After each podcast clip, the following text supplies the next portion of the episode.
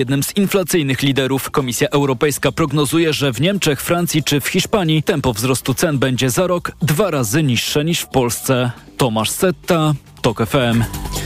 Rolnicy z województwa kujawsko-pomorskiego w rozmowie z reporterką TOK FM mówią o obawach dotyczących ich branży. Za nimi trudne żniwa, bo najpierw zmagali się z suszą, a później z intensywnymi opadami deszczu. Teraz obawiają się m.in. napływu ukraińskiego zboża. Martwi ich także hodowla trzody chlewnej, mówi reporterce TOK FM Agnieszce Wynarskiej, prezes Kujawsko-Pomorskiej Izby Rolniczej Ryszard Kierzek. Różne rzeczy już przeżyliśmy. My musimy robić swoje czekać, aż rynek się ustabilizuje. Jakie są Wasze obawy? Gdybym ja był decydentem, to dzisiaj postawiłbym na rozwój hodowli, żeby miało coś zjeść te zboże paszowe. Jesteśmy na terenie powiatu żnińskiego. Półtory roku temu było tutaj 204 tysiące sztuk trzody chlewnej. W tej chwili jest 142 tysiące, a więc to jest przepaść. A zakaz importu ukraińskiego zboża wygasa 15 września.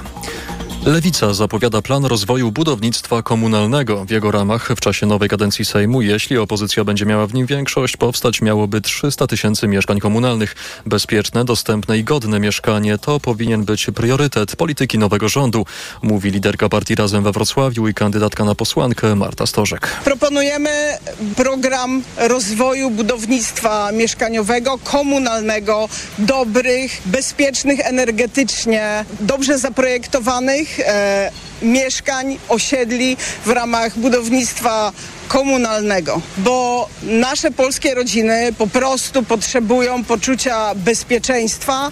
A jak dodaje Krzysztof Śmiszek, Prawo i Sprawiedliwość w kwestii mieszkalnictwa poniosło porażkę, czego dobitnym przykładem, zdaniem posła Nowej Lewicy, było zamknięcie programu Mieszkanie Plus. Prawo i Sprawiedliwość ma czelność po ośmiu latach rządów mówić, że mają pomysł na mieszkania, że będą docieplać bloki z wielkiej płyty, że będą inwestycje w energooszczędne technologie. W 2015 roku Prawo i Sprawiedliwość zapowiadało 3 miliony mieszkań. Ile z tego wyszło? Nic. Najnowszym pomysłem Prawa i Sprawiedliwości na wsparcie ludzi starających się o własne mieszkanie jest program Bezpieczny Kredyt 2%. Według ekspertów jest on jednak czynnikiem powodującym wzrost cen mieszkań. Teraz w informacjach afera szpiegowska w Wielkiej Brytanii. Brytyjskie służby poinformowały, że dwaj aresztowani na początku tego roku pracownicy parlamentu mieli szpiegować na rzecz Chin. Premier Wielkiej Brytanii Rishi Sunak miał rozmawiać o tym na weekendowym szczycie G20 z premierem Chin Li Qiangiem. Pekin stanowczo zaprzecza tym doniesieniom. Ekspert do spraw brytyjskich dr Krzysztof Winkler mówił w TOK FM, że chińskie siatki szpiegowskie są rozwinięte we wszystkich wpływowych krajach Zachodu. Ten problem jest naprawdę bardzo poważny i teraz no, służby zachodnie, w tym brytyjskie, stają przed wyzwaniem, jak z tą infiltracją sobie poradzić, ponieważ można założyć, że ona jest bardzo podobna do tej, jaką udało się osiągnąć z kolei sowieckim służbom specjalnym w latach 40. czy 50., kiedy też ta infiltracja była stosunkowo duża. Według brytyjskich mediów aresztowani mieli dostęp m.in. do ministra do spraw bezpieczeństwa. Cytowany przez The Guardian, speaker Izby Gmin powiedział parlamentarzystom, aby nie wypowiadali się w tej sprawie w związku z trwającym delikatnym śledztwem. Słuchasz informacji TOK FM. Amerykański gigant technologiczny Google chce wprowadzić obowiązek oznaczania materiałów politycznych, w których wykorzystywana jest sztuczna inteligencja. Ma być to sposób na ograniczanie wykorzystywania m.in. treści, w których twórcy na przykład podkładają wygenerowany głos pod twarze polityków w celu wprowadzania wyborców w błąd. Katarzyna Szymielewicz z Fundacji Panoptykon mówiła też o innych metodach walki z fałszywymi informacjami w sieci. Na przykład takie, żeby algorytmy, które podrzucają nam treści, nie podrzucały treści, które są sensacyjne i potencjalnie dezinformujące w pierwszym rzędzie, żeby podrzucały te pochodzące ze źródeł sprawdzonych, te, które wyglądają rzetelnie, choćby przez to, że brzmią mniej sensacyjnie. Firma chce wprowadzić nowe regulacje w listopadzie, rok przed wyborami prezydenckimi w Stanach Zjednoczonych. Pogoda. We wtorek słonecznie w większej części Polski, ale miejscami chmur będzie przybywać. Po południu i wieczorem przelotnie popada deszcz na Pomorzu Zachodnim i tam też możliwe burze. Słaby deszcz również na krańcach południowo-wschodnich. 27 stopni pokażą termometry w Gdańsku do 28 w Szczecinie, Białymstoku, Lublinie, Katowicach i Krakowie. 29 w Łodzi i Wrocławiu, 30 stopni w Warszawie i Poznaniu. Radio TOK FM. Pierwsze radio informacyjne. Mikrofon, Mikrofon Tok FM. Tok FM. Druga część mikrofonu Radiotek FM, bo na zegarach 21.06. Przed informacjami toczyła się już dyskusja na temat naszego dzisiejszego tematu, na temat naszego dzisiejszego zagadnienia, w którym to nawiązujemy do słów Włodzimierza Czarzastego, który podczas sobotniej konwencji wyborczej, zapowiadając postulat lewicy dotyczący 35-godzinnego tygodnia pracy i 35-dniowego urlopu, powiedział tak, żyłem w czasach, w których marzeniem była wolna sobota. Kiedyś duża sprawa, dziś normalka. Był taki czas, kiedy pracowałem 16 godzin dziennie. Nie pamiętam swoich dzieci, jak miały rok czy dwa. Wydawało mi się, że to bohaterstwo, ważna sprawa. Byłem głupi. Nie ma nic ważniejszego niż pamięć uśmiechu swojego dziecka. Miejcie to w głowach, żeby tyle czasu nie pracować. Czy ty też z perspektywy czasu uważasz, że pracowałeś, pracowałaś zbyt dużo, a może wciąż tak pracujesz? To pytanie, które dzisiaj kierujemy do Państwa. 2244 044 pod ten numer mogą Państwo dzwonić i tak uczynił Pan Arkadiusz z Gdańska. Dobry wieczór. Dobry wieczór. E, w ogóle fajny, fajny temat, e, który pewnie mógłby się nie kończyć i audycja mogłaby trwać pewnie do rana, bo każdy ma coś do powiedzenia. E, ja jestem ponad 20 lat na rynku pracy i przeszedłem różnych, różnych szefów i różne firmy od takiego momentu, gdzie rzeczywiście to chyba tak zostało, bo zaczynałem pracować w momencie, kiedy była taka, mm, taka mentalność, że jak się przyszło 5 po 8 to się dostawało burę, ale jak się wyszło o 16.00, to też się dostawało burę. Dlaczego nie siedzisz do 17? To znaczy, że co, że się wyrobiłeś z robotą? To nie, nie, to tak nie powinno działać. I, I, szef na to źle patrzył, jak się wychodziło równo, równo albo, nie wiem, 5 czy 10 po, po czasie, no bo wychodził z założenia, że powinno się pracować długo. I to taka gdzieś, y, gdzieś chyba to tak mi zostało, bo rzeczywiście nie mogę się tego uczyć. E, I, i, i no, pracuje się dużo ponad, ponad plan, ponad, ponad czas, że tak powiem, założony. E, a tu to, co mówili wcześniej ludzie i to, co było w audycji, w poprzedzającej audycji, rzeczywiście jest bardzo ważna wydajność moim zdaniem, a nie to, ile pracujemy. I jeżeli będziemy wydajni, no to, to, to możemy pracować nie wiem, 4 godziny dziennie, ale jeżeli zrobimy robotę, to, to, to przecież jest wszystko ok. Ale z tego, mm, co to... pan mówi, to rozumiem, że i tak pan pracuje dłużej niż te 4 godziny, nawet jeżeli by pan w tych 4 godzinach zdążył wykonać wszystkie zadania, to jednak jakiś wewnętrzny głos, który kiedyś był głosem pana szefa, mówi panu pracuj dalej. Wie pani, jak to jest? To jest taki nawyk, nie? Że tak zostało i taki jest głos z tyłu wyrzutu, że kurczę, zrobiłeś to za szybko, nie? I to znaczy, że możesz jeszcze coś zrobić w tym czasie, albo, albo go przedłużyć, nie wiem, coś nadgonić, coś zrobić. E, no to tak nie powinno chyba moim zdaniem wyglądać. A nadal I, pracuje pan dla kogoś, czy teraz jest pan sobie sam szefem? Nie, dla kogoś. I, I, mm, parę razy też jak zmieniałem pracę, to, to, to słyszałem od szefów różnych, że dla mnie to wiesz co, to możesz pracować tam i 5 godzin dziennie albo i 2 godziny dziennie, ważne, żebyś robił robotę. A jak się okazało, że rzeczywiście jest to możliwe, żeby wydajność no tak zwiększyć, żeby pracować te 5 godzin dziennie i zrobić tą robotę, to później kuje w oczy, że jednak za krótko pracujesz, to, to znaczy, że masz za mało zadań. I to, to jest takie, takie, takie błędne koło, w które mm, sami, sami jakoś tam wpadamy i, i ta mentalność chyba jeszcze, e, jeszcze z poprzedniej, z poprzedniej epoki. Chociaż ostatnio słyszałem takie mądre powiedzenie, że słuchaj, jak, jak umrzesz w piątek, to w poniedziałek już ktoś, już szef znajdzie kogoś na twoje miejsce. E, więc e, no i to, to, jest chyba taka gorzka prawda, że jednak my się jakoś tam zabijamy w że jesteśmy niezastępowani i, e, i nie da się jesteśmy ludźmi, którzy, tak jak się mówi, że jest człowiek niezastąpiony, nie ma ludzi niezastąpionych. I, i to jest chyba takie, tak, taka gorzka prawda, którą trzeba sobie wbić do głowy. Ja próbuję od jakiegoś czasu, ale na razie ciężko z tym. A pracuje pan po 8 godzin dziennie, czy dłużej? Dłużej, zdecydowanie. Wpływa to jakoś na pana życie prywatne? E, oczywiście, że tak.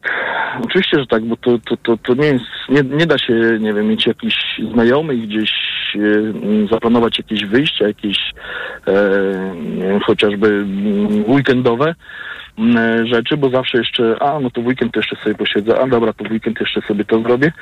Mm, I to jest taki, no taki, nie wiem, czy to nazwać pracocholizmem, czy, czy głupotą po prostu zwykłą, ale, no, ale tak jest, rzeczywiście, że to wpływa na, na życie prywatne na, na, na pewno. A jest pan e, szczęśliwy z takiego stanu rzeczy, że tak to wygląda teraz, jak e, pan opisuje? Czy chciałby pan, żeby coś się jednak zmieniło? Nie, to jest e, permanentne dążenie do zmiany. Tutaj myślę, że, że ten chyba, znaczy nie znam osoby, która by pracowała jakoś tam dużo godzin i, i mogłaby powiedzieć, że jest szczęśliwa z tego tytułu. Raczej to jest takie błędne koło, w które, które gdzieś tam wpadłem i próbuję się z niego uwolnić, ale, no ale zawsze jest coś, zawsze, zawsze jest jakiś tam, że a może jeszcze to, a może jeszcze, jeszcze coś zrobię.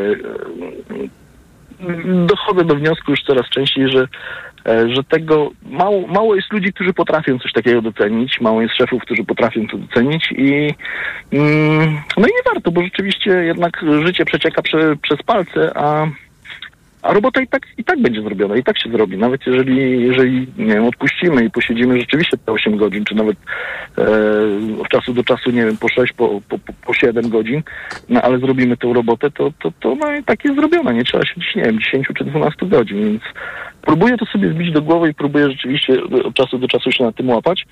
E, I, i wejść w ten drugi nawyk, że jednak e, nie ilość, a, a jakość i wydajność. A na co poświęciłby pan czas, gdyby tego czasu nie spędzał tyle w pracy? Wie pani co, taką dużą e, przy łóżku, dużą taką stertę książek, chyba nie wiem, z 15 pozaczynanych, żadna nie jest skończona. I to też jest taki, taki właśnie ból.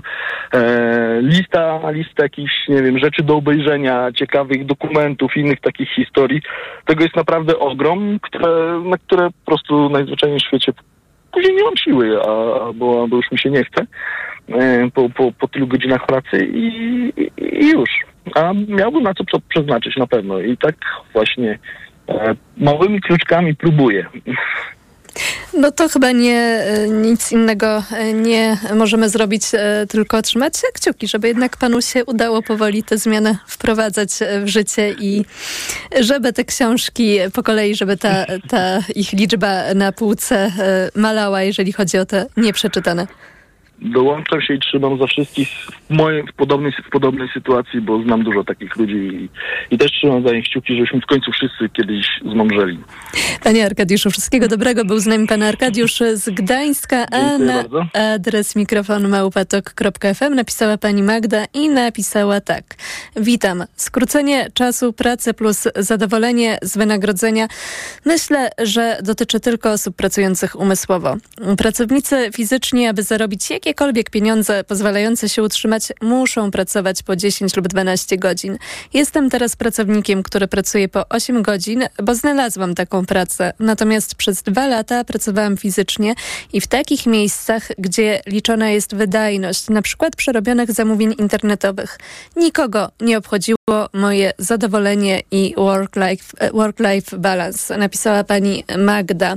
22 44 044 to jest ten numer telefonu, pod który Państwo mogą dzwonić, żeby podzielić się swoimi doświadczeniami i opinią na temat tego, czy pracowali Państwo zbyt dużo, a może wciąż tyle pracują, a może właśnie wcale tak nie jest i mają Państwo również czas na inne rzeczy, bo nie tylko samą pracą człowiek żyje.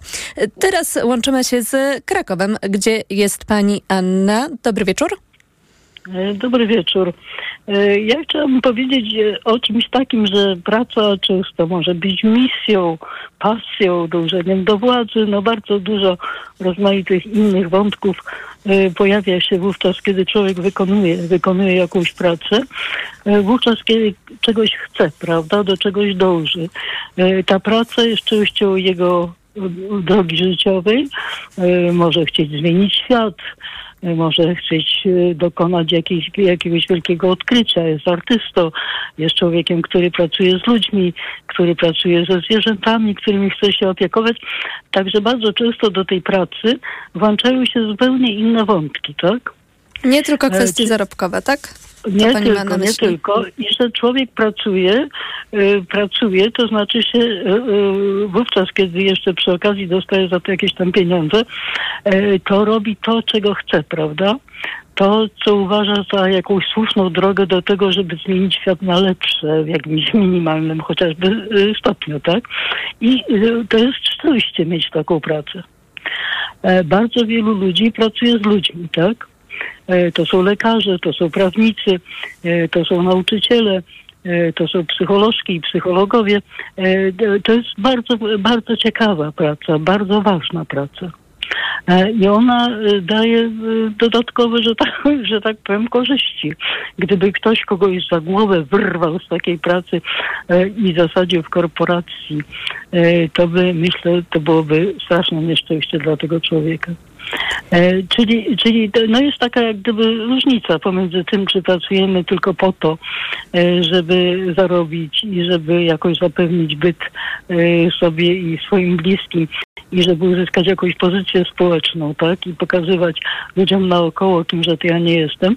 E, A zupełnie inną sprawą jest e, praca, która przekłada się jak gdyby w realizację jakiegoś celu życiowego własnego. Tak? jeśli wierzyć e, badaniom z 2021 roku przeprowadzonych przez CEBOS, to jeżeli chodzi właśnie o takie poczucie sensu i wagi wykonywanej pracy, to 84% aktywnych zarobkowo Polek i Polaków mówiło, że wykonywane przez nich zadania są ważne i mają sens. No to wydaje się sporo, chociaż z drugiej strony można też zapytać, czy jakieś rzeczy, które y, można robić poza pracą. Pani na przykład opowiedziała o mm, rzeczach z misją, ale też wiele właśnie takich zadań y, można wykonywać w ramach y, pracy wolontariackiej. Z tym akurat u nas w Polsce trochę mniej różowo wygląda, jeżeli chodzi o taką naszą aktywność w ramach NGO-sów y, dobrowolną i y, nieopłacaną.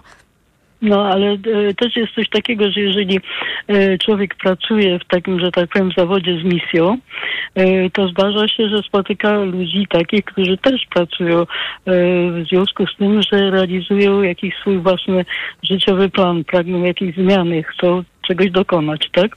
E, I wówczas w tym miejscu pracy, e, czy w jakiejś takiej szerszej, że tak powiem, przestrzeni, e, gdzie ta praca się odbywa, dochodzi do zupełnie innych relacji pomiędzy ludźmi. To nie powinny być, chociaż czasami się zdarzają relacje władzy, podporządkowania wymogów takich czy innych formalnych, tylko taką ideą, która temu towarzyszy, jest przyjaźń, równość, współpraca, budowanie wspólnie jakiejś zmiany.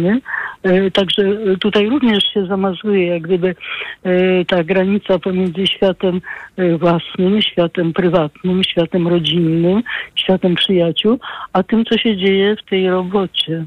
To proszę jeszcze uchylić rąbka tajemnicy, jeżeli oczywiście jest Pani skłonna i powiedzieć, jak to wyglądało w Pani przypadku, to znaczy, czy Pani jest zadowolona z tego, ile czasu poświęcała, e, czy też poświęca na pracę, czy jednak, e, gdy patrzy Pani teraz na swoje doświadczenia, to mogłoby to trochę inaczej wyglądać?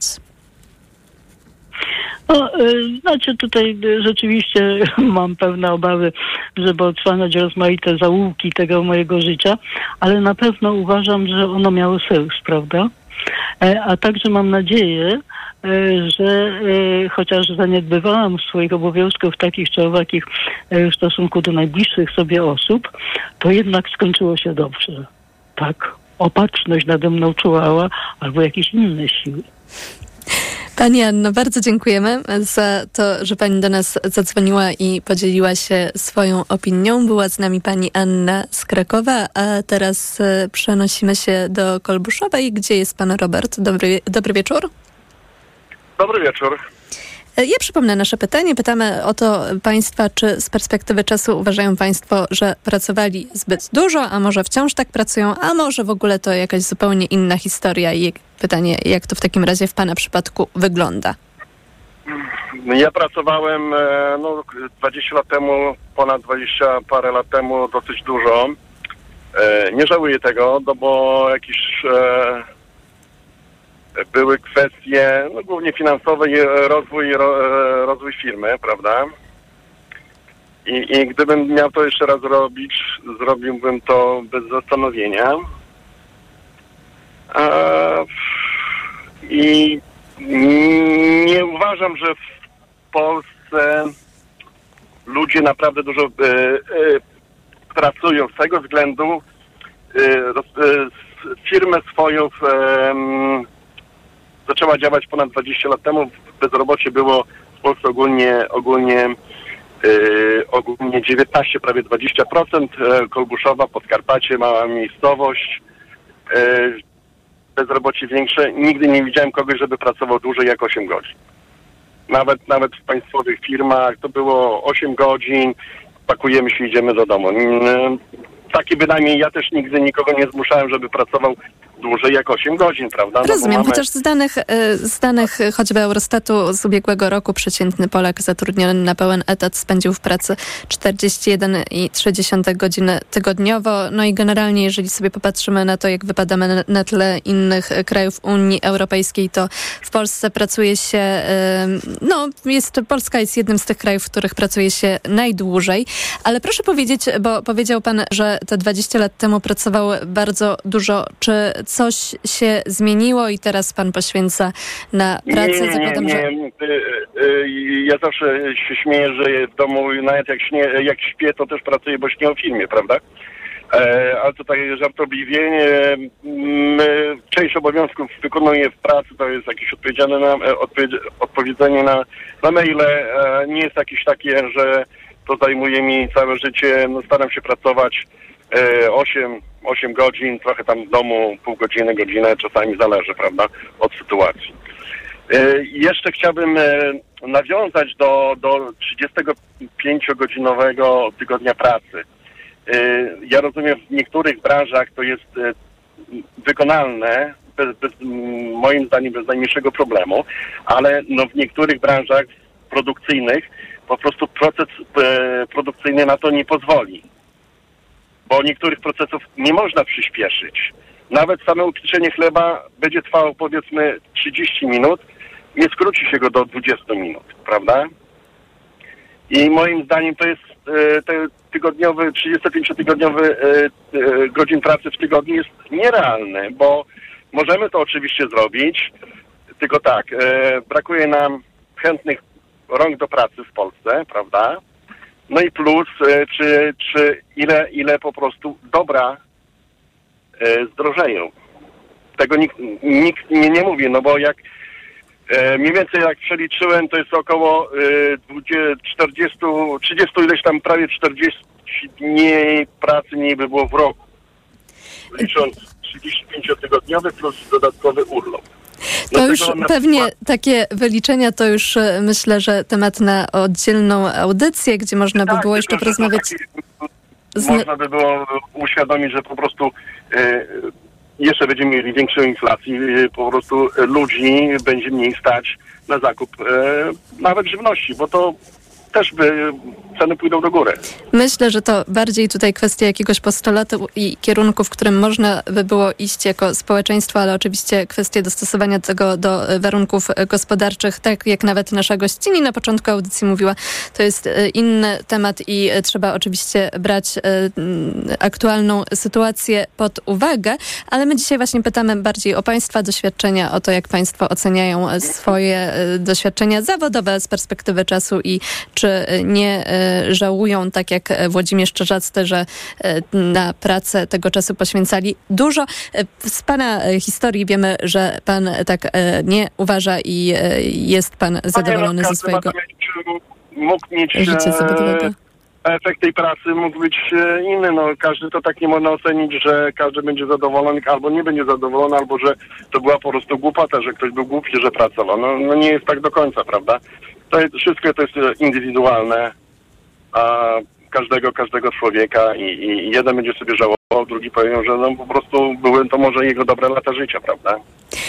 Panie Robercie, bardzo dziękujemy. Był z nami pan Ja Robert dziękuję. z Kolbuszowej i ostatni telefon e, przed nami. Łączymy się teraz z Gorzowem i łączymy się z panią Magdą. Dobry wieczór. Dobry wieczór. Pani Magdo, jak w pani przypadku e, wygląda kwestia poświęcania czasu na pracę? Albo jak wyglądała też, bo również o to pytamy, o takie doświadczenia z przeszłości. Jest to taka książka, w której, e, tak na koniec e, powiem, jest taka książka, w której e, pielęgniarka zajmująca się osobami chorymi, odchodzącymi, rozmawiała z nimi, pytała się o ich doświadczenia, przemyślenia i o to, czego najbardziej żałują. I tam właśnie ten wątek, że się poświęcało, to przede wszystkim dotyczyło mężczyzn, że się poświęcało zbyt dużo czasu na pracę, a zbyt mało czasu dla rodziny często się przewijał. E, no i pytanie właśnie, jak w Pani przypadku to wygląda? Mhm. E, ja 18 lat pracowałam w handlu e, i e, pracowałam bardzo dużo. E, I też chciałam to połączyć z wypowiedzią eksperta, ekspertki, przepraszam, bo tutaj słyszę właśnie o optymalizacji, o podniesieniu wydajności, ale jakoś nie słyszę takiego aspektu społecznego, który jest niesamowicie ważny i wpisany w e, pracę. E, I e, to mnie martwi. Mianowicie, że, co pani ma na myśli? Że poza tym przecież, że wykonujemy zadania konkretne w pracy, to praca ma jeszcze przynosić walor um, utrzymywania relacji um, i takiego zaopiekowania pod kątem właśnie takich społecznych potrzeb, wymiany informacji, wymiany postaw, wymiany pomysłów e, i kiedy podnosimy taką stricte wydajność w pracy, pomijamy aspekt, który jest właśnie niezmiernie istotny, tą wartość dodaną, którą, da, którą daje praca. I tu w moim przypadku właśnie ten aspekt zawiązywania nawet relacji przyjacielskich w pracy miał bardzo ważną, istotną rolę. E, I pracowałam w takim zespole, w którym tak się nawiązały znajomości e, i takie wsparcie wzajemne, że teraz ten zespół funkcjonuje od kilkunastu lat e, i pracownicy nie chcą odchodzić ze względu na te właśnie relacje. I wydaje mi się, że podnoszenie wydajności dla samej tylko e, podnoszenia właśnie jej, tej, tej wydajności i e, krótszego czasu wykonywania zadań, pomija ten aspekt. I mam wrażenie, że właśnie społecznie gdzieś tam to kuleje i przez to ludzie są mniej zadowoleni e, z pracy, ale nie do końca wiadomo dlaczego. A przy pracy hybrydowej czy przy pracy zdalnej ten, ten ważny, ważna sprawa, czyli te relacje międzyludzkie, są gdzieś pomijane. I to mnie martwi tutaj w tej dyskusji, że nie, nie, nie słyszałam takiego głosu, że to, to też jest istotne, pomimo tego, że każdy z nas gdzieś tam chce ten czas po pracy wykorzystywać efektywnie, e, czy dla siebie, dla swoich pasji, dla rozwijania swojego hobby, czy dla rodziny, to jeszcze to, co jest niezmiernie istotne w pracy, to to, że istniejemy z innymi ludźmi, że to też powinno nam przynosić satysfakcję e, i te relacje też powinny być e, ujmowane w takiej dyskusji, że pomimo tego, że wykonuje te swoje, swoją pracę w ciągu czterech godzin, to te small talki, przebywanie z innymi ludźmi, właśnie rozmowy są też niezmiernie istotne przecież. I na nie też warto jest poświęcać czas w pracy, bo one właśnie przynoszą nam ten oddech, przynoszą nam tą, tą wartość dodaną, o której mówię. A myśli Pani, że w każdej pracy jest taka przestrzeń na to, żeby też budować sobie to życie takie społeczne, towarzyskie, czy może jednak miała Pani też, e, nie wiem, trochę szczęścia, że akurat trafiła Pani na takie, a nie inne osoby? To wydaje mi się, że to bardzo dużo zależy od szefów, bo jak teraz słyszę o, z różnych źródeł o tej maksymalizacji wykorzystania czasu pracy, to na te, um, na te relacje w pracy nie ma miejsca, ponieważ e, bardzo wiele osób wykonuje właśnie na przykład graficy komputerowi, e, na przykład, nie wiem, kupcy, i, w innych zawodach również e, to właśnie jest podnoszony, podnoszony ten, ten temat tego takiego wyciśnięcia człowieka jak cytrynę, w korporacjach szczególnie, e, gdzie ten, ten walor właśnie, który przynosi praca, że przy, przychodzę do ludzi, przychodzę spotykać się z ludźmi, przychodzę też po to, żeby zaczerpnąć e, jakiego, jakiejś innej perspektywy przecież, no ucieka właśnie przez optymalizację niestety. Myślę, że w wielu miejscach można by było ten, tę przestrzeń wykorzystać i dzięki temu wzmocnić atrakcyjność miejsca pracy. Pani Magdo. A to zależy od szefów. Bardzo dziękujemy za to, że pani do nas zadzwoniła i za ten głos, głos, w którym nasza słuchaczka podkreśliła jeszcze jeden aspekt pracy i rolę, jaką może pełnić i wpływać także na taką satysfakcję zarówno z życia zawodowego, jak i w ogóle życia, bo relacje są tym czymś, co na jakość życia wpływa. Była z nami pani Magda Zgorzowa, to był mikrofon Radia Tok FM, który wydawała Karolina Kłaczyńska, a realizował Krzysztof Woźniak. Już e, za chwilę książka na głos. E, autorem tejże książki jest Richard Osman. E, tytuł Człowiek, który umarł dwa razy. Książkę czyta Filip Kosior. Ja bardzo Państwu dziękuję za uwagę, za głosy i za całą dyskusję na temat tego, czy pracujemy dużo, czy nie i jak się z tym czujemy. Jeżeli ktoś nie słuchał od początku, to polecamy oczywiście rozmowę z Alicją Kotłowską, badaczką z Uniwersytetu SWPS Wydziału Nauk Nauk Społecznych, która opowiedziała trochę, jak to wygląda, jeżeli chodzi o nasz stosunek do pracy i oczekiwania względem niej, e, ze względu choćby na wiek e, osób pracy się podejmujących i e, to, jak jakiego mm, rodzaju pracy y, pod kątem właśnie tego, ile czasu na nią poświęcamy, byśmy tak naprawdę chcieli w przyszłości, bo przypomnę, że jako Polska jesteśmy jednym z tych krajów Unii Europejskiej, w którym, w którym pracuje się po prostu najdłużej. Y, na zegarach 21.32 o 22.00 informacje. Spokojnego wieczoru z Radiem TOK FM Państwu życzę Małgorzata Wołczyńska. Do usłyszenia. Mikrofon, Mikrofon Tok FM. Tok FM.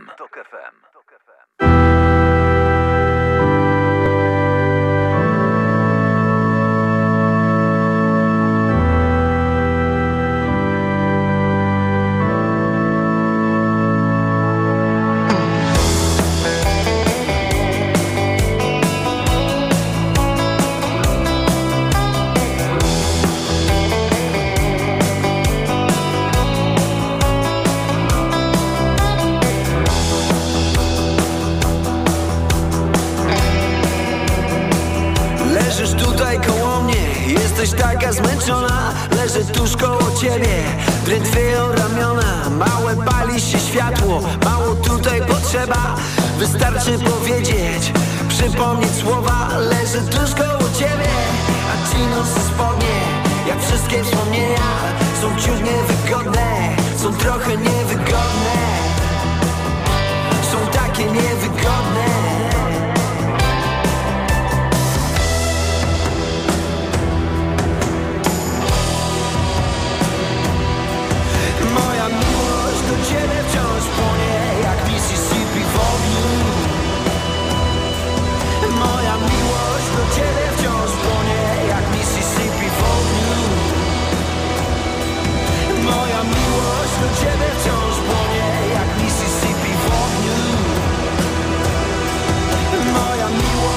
get it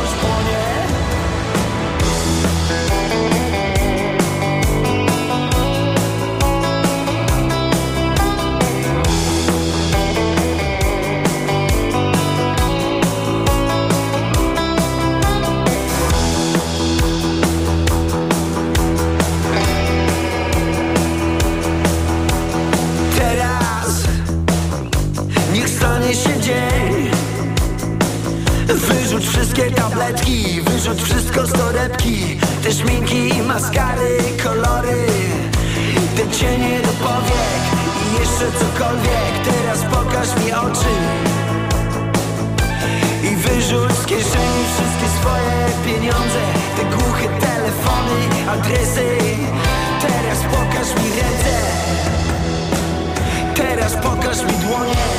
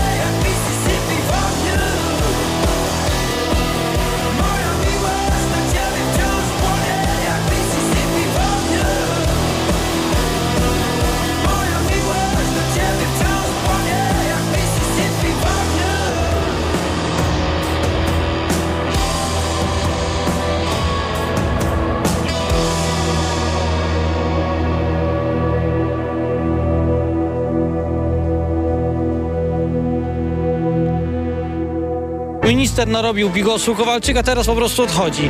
I jeszcze w jakim stylu? Mówi, że przez Unię Europejską, zamiast powiedzieć wprost, że nie dał rady w tej sytuacji podołać i jest y, tej sytuacji winny i odchodzi. Co to nas zmienia? Teraz y, kto zostanie ministrem? Nie wiem, kto jest w stanie teraz ten burdel posprzątać. Naprawdę nie wiem.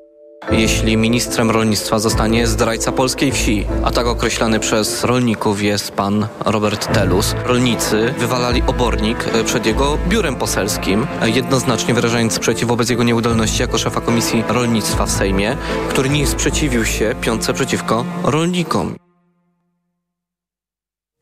My dbamy o to, żeby pomóc polskiemu rolnikowi, bo jest sprawa tragiczna związana z wojną, sprawa związana z agresorem, którym jest Putin, a wy przez to krzyczenie pomagacie Putinowi. Ja rozumiem, że wszyscy próbują ugrać politycznie na tej tragedii.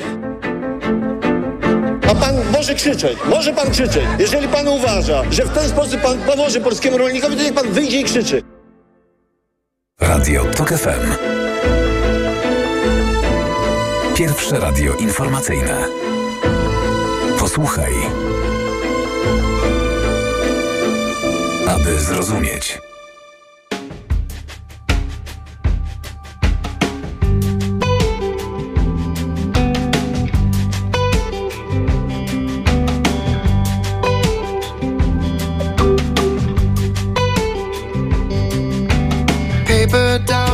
Try it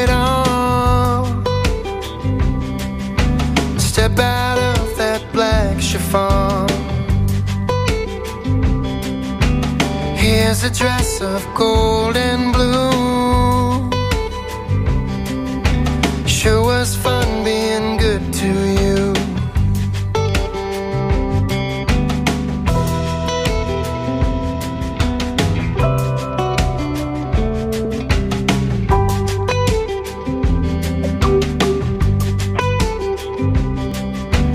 This one we made just for a Winter a bit too small. This mint green is new for spring. My love didn't cost a thing. You're like 22 girls in one. And none of them know what they're running from.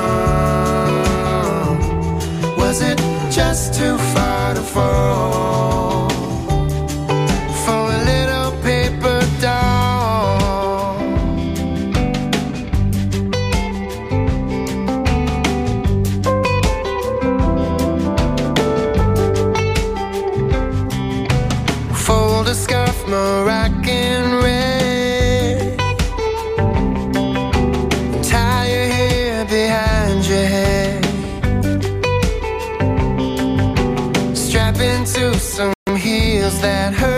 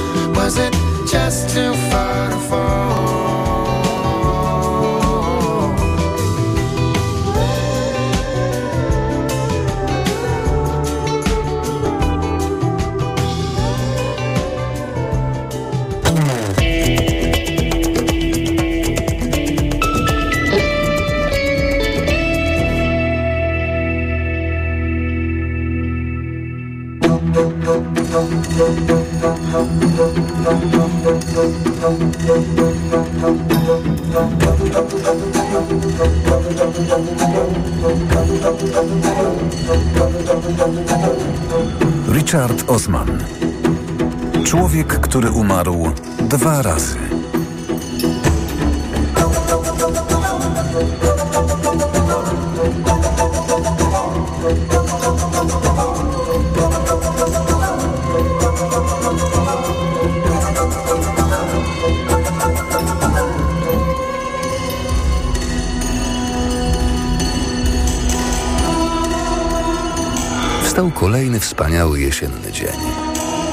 Powietrzu czuje się chłód, który podpowiada, że już niewiele będzie takich dni. Zima niecierpliwie czeka tuż za rogiem. Jest piętnasta i Elizabeth niesie kwiaty dla Markusa Carmichaela. Dla trupa. Topielec niespodziewanie ożył i mieszka przy Ruskin Court 14. Mężczyzna, którego widziała opuszczanego do grobu na cmentarzu w Hampshire, teraz wypakowuje swoje rzeczy z pudeł i męczy się z nowym Wi-Fi. Przychodzi obok Willows, domu opieki w sercu Cooper's Chase, miejsca, które odwiedzała codziennie, dopóki Penny jeszcze żyła.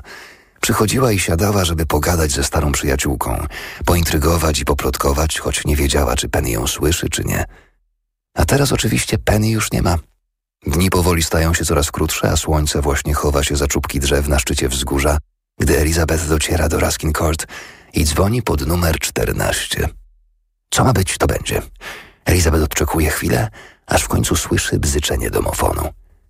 We wszystkich budynkach są windy, ale Elizabeth będzie używać schodów, dopóki starczy jej sił. Schody są dobre na ruchomość kolan i bioder.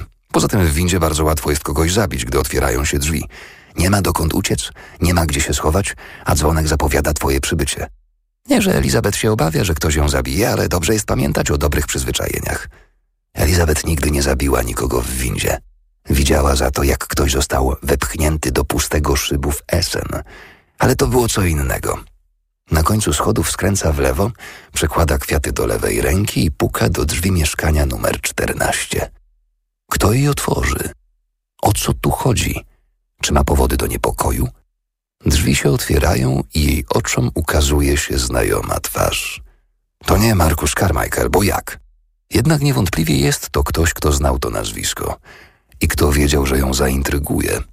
I okazuje się, że owszem, Elizabeth ma powody do niepokoju.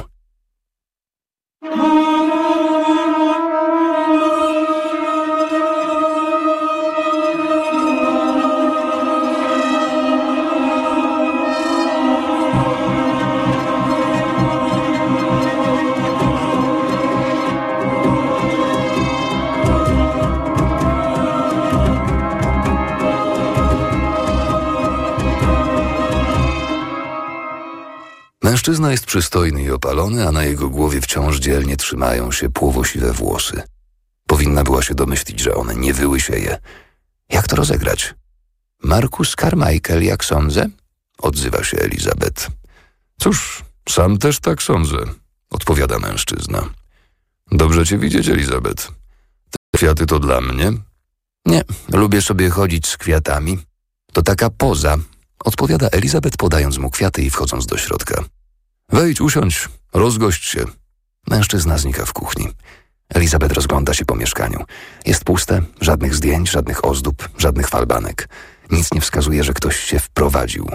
Dwa fotele gotowe, by je porzucić, sterta książek na podłodze, lampa do czytania. Ładnie się tu urządziłeś, rzuca Elizabeth w stronę kuchni. To nie mój wybór, skarbie, odpowiada mężczyzna, wracając do pokoju z kwiatami w czajniku. W końcu pewnie się przyzwyczaję, chociaż mam nadzieję, że nie zabawię tu długo. Nalać ci kieliszek wina? Stawia czajnik na parapecie. Tak, poproszę, mówi Elizabeth, rozsiadając się w fotelu. Co tu się dzieje? Skąd on się tu wziął? I czego od niej chce po tych wszystkich latach? Cokolwiek to było, dla niej wyglądało na kłopoty. Pokój prawie bez mebli, zaciągnięte żaluzje, sypialnia zamknięta na kłódkę. Raskin Court 14 ewidentnie było kryjówką. Tylko przed czym? Mężczyzna wraca z dwoma kieliszkami czerwonego wina. Dla ciebie Malbec, czy się mylę? Elizabeth bierze swój kieliszek, a mężczyzna siada w fotelu naprzeciwko niej. Wydaje ci się, że to taki wielki wyczyn, że pamiętasz, jakie piłam wino przez te przeszło dwadzieścia lat naszej znajomości? Mam prawie 70 lat, moja droga, więc teraz zapamiętanie czegokolwiek to wielki wyczyn. Zdrowie? podnosi kieliszek. Zdrowie? odpowiada Elizabeth unosząc swój. Ile to lat minęło? Sporo, ale pamiętałaś Markusa Carmichaela? To było bardzo zręczne. Markus Carmichael był duchem, którego Elizabeth sama wymyśliła. Była w takich sprawach ekspertką. Ten mężczyzna nigdy nie istniał i służył tylko do przekazywania tajemnic Rosjanom. Mężczyzna stworzony z fałszywych dokumentów i reżyserowanych zdjęć. Agent, który nie istniał, przekazujący wrogowi nieistniejące tajemnice. A kiedy Rosjanie byli już coraz bliżej i chcieli wyciągnąć od nowego informatora jeszcze więcej, nadszedł czas, by Markus Carmichael zginął. By pożyczyć anonimowego denata z jednego z londyńskich szpitali akademickich i pogrzebać go na cmentarzu w Hampshire przy akompaniamencie szlochów młodej sekretarki z biura wywiadu, grającej pogrążoną w żałobie wdowę. Czas, by wraz z Carmichaelem umarło kłamstwo.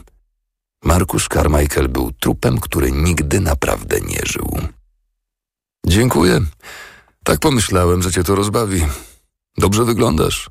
Bardzo dobrze. A co u... Przypomnij mi, Stevena, tak? Twojego obecnego męża?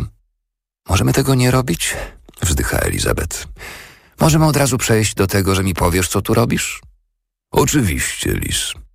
Będziemy mieli mnóstwo czasu, żeby sobie opowiedzieć, co u nas słychać, jak wszystko się zacznie. Ale on ma na imię Steven, prawda? Elizabeth myśli o Stevenie, który został w domu. Zostawiła mu włączony telewizor, więc powinien sobie drzemać. Chce do niego wrócić, usiąść obok i go przytulić. Nie chce być tutaj w tym pustym mieszkaniu z tym niebezpiecznym mężczyzną. Mężczyzną, który na jej oczach zabijał ludzi. To nie jest przygoda, jaką chciała dziś przeżyć. Dajcie jej Stevena i jego pocałunki. Dajcie jej Joyce i jej psy. Elizabeth pociąga kolejny łyk wina. Zakładam, że czegoś ode mnie chcesz. Jak zwykle. Mężczyzna rozsiada się w fotelu. Cóż, w sumie tak, ale to nic szczególnego. W zasadzie to coś, co może nawet sprawić ci przyjemność. Pamiętasz, co to jest przyjemność, Elizabeth? Mam tu wystarczająco dużo przyjemności, dziękuję. Tak, tak, słyszałem. Trupy i tak dalej. Czytałem akta. Akta? pyta Elizabeth. Ogarnia ją nieprzyjemne uczucie. O tak, narobiłaś w Londynie niezłego zamieszania, gdy prosiłaś o te wszystkie przysługi w ciągu ostatnich miesięcy. Dane finansowe, raporty sądowe, chyba nawet ściągnęłaś tu emerytowanego patologa, żeby wykopał jakieś kości. Myślałaś, że nikt nie zauważy? Elizabeth zdaje sobie sprawę, że było to z jej strony krótkowzroczne. Rzeczywiście prosiła o wiele przysług, kiedy czwartkowy klub zbrodni prowadził śledztwo w sprawie morderstw Tonego Kurana i Iena Ventama. I kiedy chcieli zidentyfikować szczątki, które znaleźli zakopane na cmentarzu na wzgórzu. Powinna była się domyślić, że ktoś gdzieś to wszystko zapisywał. Nie można się spodziewać, że prosząc o przysługę nie trzeba będzie się później odwdzięczyć. Czyli co musi teraz zrobić? Czego ode mnie potrzebujesz? Pyta. Tylko chwili opieki.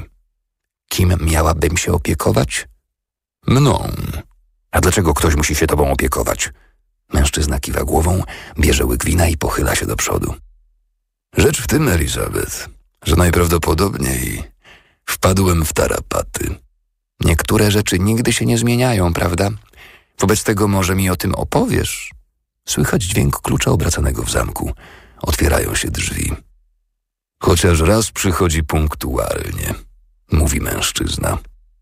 To właśnie osoba, która pomoże mi opowiedzieć całą historię. Poznaj moją kuratorkę. Do pokoju wchodzi Poppy, nowa kelnerka z restauracji. Wita oboje skinieniem głowy. Dzień dobry. No, to bardzo wiele wyjaśnia, stwierdza Elizabeth.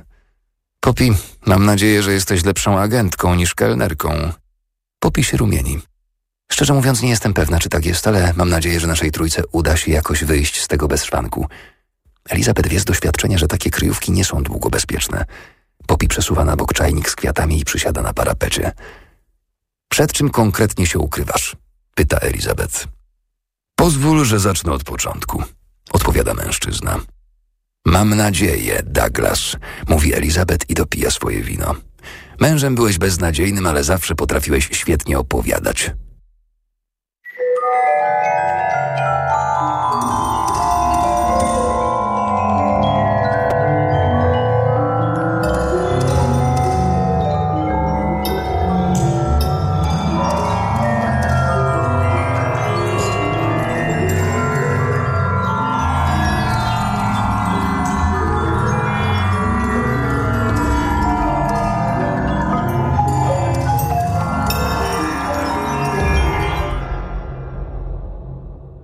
Elizabeth sączy drugi kieliszek Malbeka, słuchając jak jej były mąż, Douglas Middlemiss, opowiada o praniu pieniędzy na międzynarodową skalę i wyjaśnia, dlaczego mężczyzna w jego wieku może potrzebować opieki. Obserwowaliśmy tego Martina Lomaxa już od jakiegoś czasu. Piękny stary dom, mnóstwo pieniędzy, pochodzenie każdego grosza udokumentowane. Koledzy ze skarbówki nic na niego nie mieli. Ale jak człowiek wie swoje, to wie, prawda? Przez ten jego dom od rana do wieczora przewijali się różni ludzie. Rosjanie, Serbowie, turecka mafia. Wszyscy przyjeżdżali do willi na uboczu, na obrzeżach sennej wioski. Hambledon, obiło ci się kiedyś o uszy? To tam wymyślili krykieta. Range Rovery i Bentleye na wiejskiej drodze. Arabowie w helikopterach, wszystko. Raz jakiś oficer Ira skoczył ze spadochronem z awionetki i wylądował u niego w ogródku. Czym on się zajmuje? pyta Elizabeth. Tak nieoficjalnie? Ubezpieczeniami, odpowiada Poppy. Jak to? Prowadzi bank dla największych gangów, mówi Douglas pochylając się do przodu. Powiedzmy, że Turcy zamierzają kupić od Afgańczyków heroinę wartą 100 milionów funtów, ale nie chcą od razu płacić pełnej sumy. Tak samo jak nie musi pani płacić pełnej sumy za zamrażarkę, dopóki jej nie przywiozą. Dziękuję, Poppy, mówi Elizabeth. Bez ciebie zupełnie bym się pogubiła.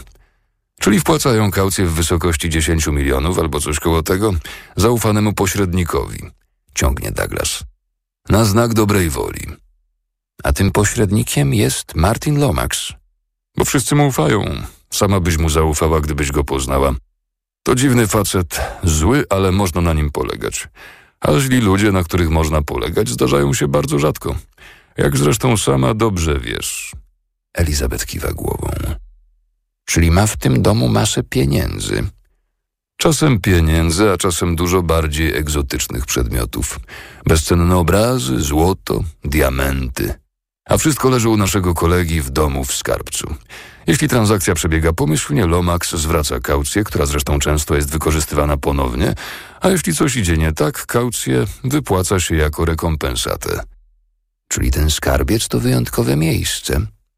Podejrzewam, że w dowolnym momencie można by tam znaleźć pół miliarda gotówką i drugie tyle w złocie i drogich kamieniach, kradzionych Rembrandtach i chińskich jadeitach wartych miliony. I to wszystko sobie tam po prostu leży. Kilka kilometrów od Winchester, proszę ciebie. A skąd o tym wiesz? Kilka razy byliśmy w środku, mówi Poppy. Mamy mikrofony zamontowane w ścianach i kamery we włącznikach światła. Wykorzystaliśmy wszystkie możliwe sztuczki, dodaje Douglas. W sejfie też? Poppy potrząsa głową. Tam nigdy nie udało nam się dostać. Ale po całym domu wala się wystarczająco dużo rzeczy. Jak się tam włamałem na stole do bilarda, leżał jakiś Van Eyck.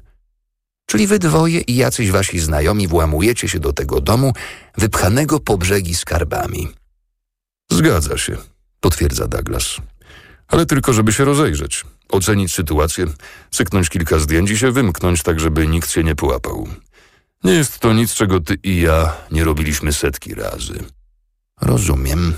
A czy to ma coś wspólnego z tym, że teraz siedzisz w mieszkaniu wyposażonym w dwa fotele i kłódkę na drzwiach do sypialni i prosisz swoją zachwyconą byłą żonę o opiekę? Można powiedzieć, że właśnie tak się zaczęły moje problemy. Owszem, jesteś gotowa? Proszę cię bardzo, Douglas, mówi Elizabeth, wpatrując się w niego. Błysk w jego oku nie stracił ani trochę na sile. Błysk, który zupełnie niesłusznie dawał pozór mądrości i uroku. Błysk, który potrafił sprawić, że idzie się do ołtarza z mężczyzną prawie dekadę młodszym, a już po kilku miesiącach się tego żałuje. Błysk, który wkrótce okazuje się światłem latarni morskiej ostrzegającym przed skalistym wybrzeżem. Czy mogę panią najpierw o coś spytać? Mówi Poppy z parapetu. Zanim cokolwiek pani powiemy. Oczywiście, skarbie, odpowiada Elizabeth. Ile tło pani wiedzą? Bo zakładam, że całkiem sporo, biorąc pod uwagę to, co czytałam w pani teczce. Tak, wiedzą o mnie coś, nie coś, mówi Elizabeth. Moi najbliżsi przyjaciele. A pani najbliżsi przyjaciele to Joyce Meadowcroft, Ron Ritchie i Ibrahim Arif? Ci sami. Musisz mieć imponującą tę teczkę, Poppy. Joyce będzie zachwycona, jak jej powiem, że jest w jakichś aktach. A czy mogłabym spytać, to znaczy poproszono mnie, żebym spytała, zanim będziemy kontynuowali, czy w ciągu ostatnich czterech miesięcy zdarzyło się pani złamać ustawę o tajemnicy służbowej? Elizabeth wybucha śmiechem. Boże święty, tak,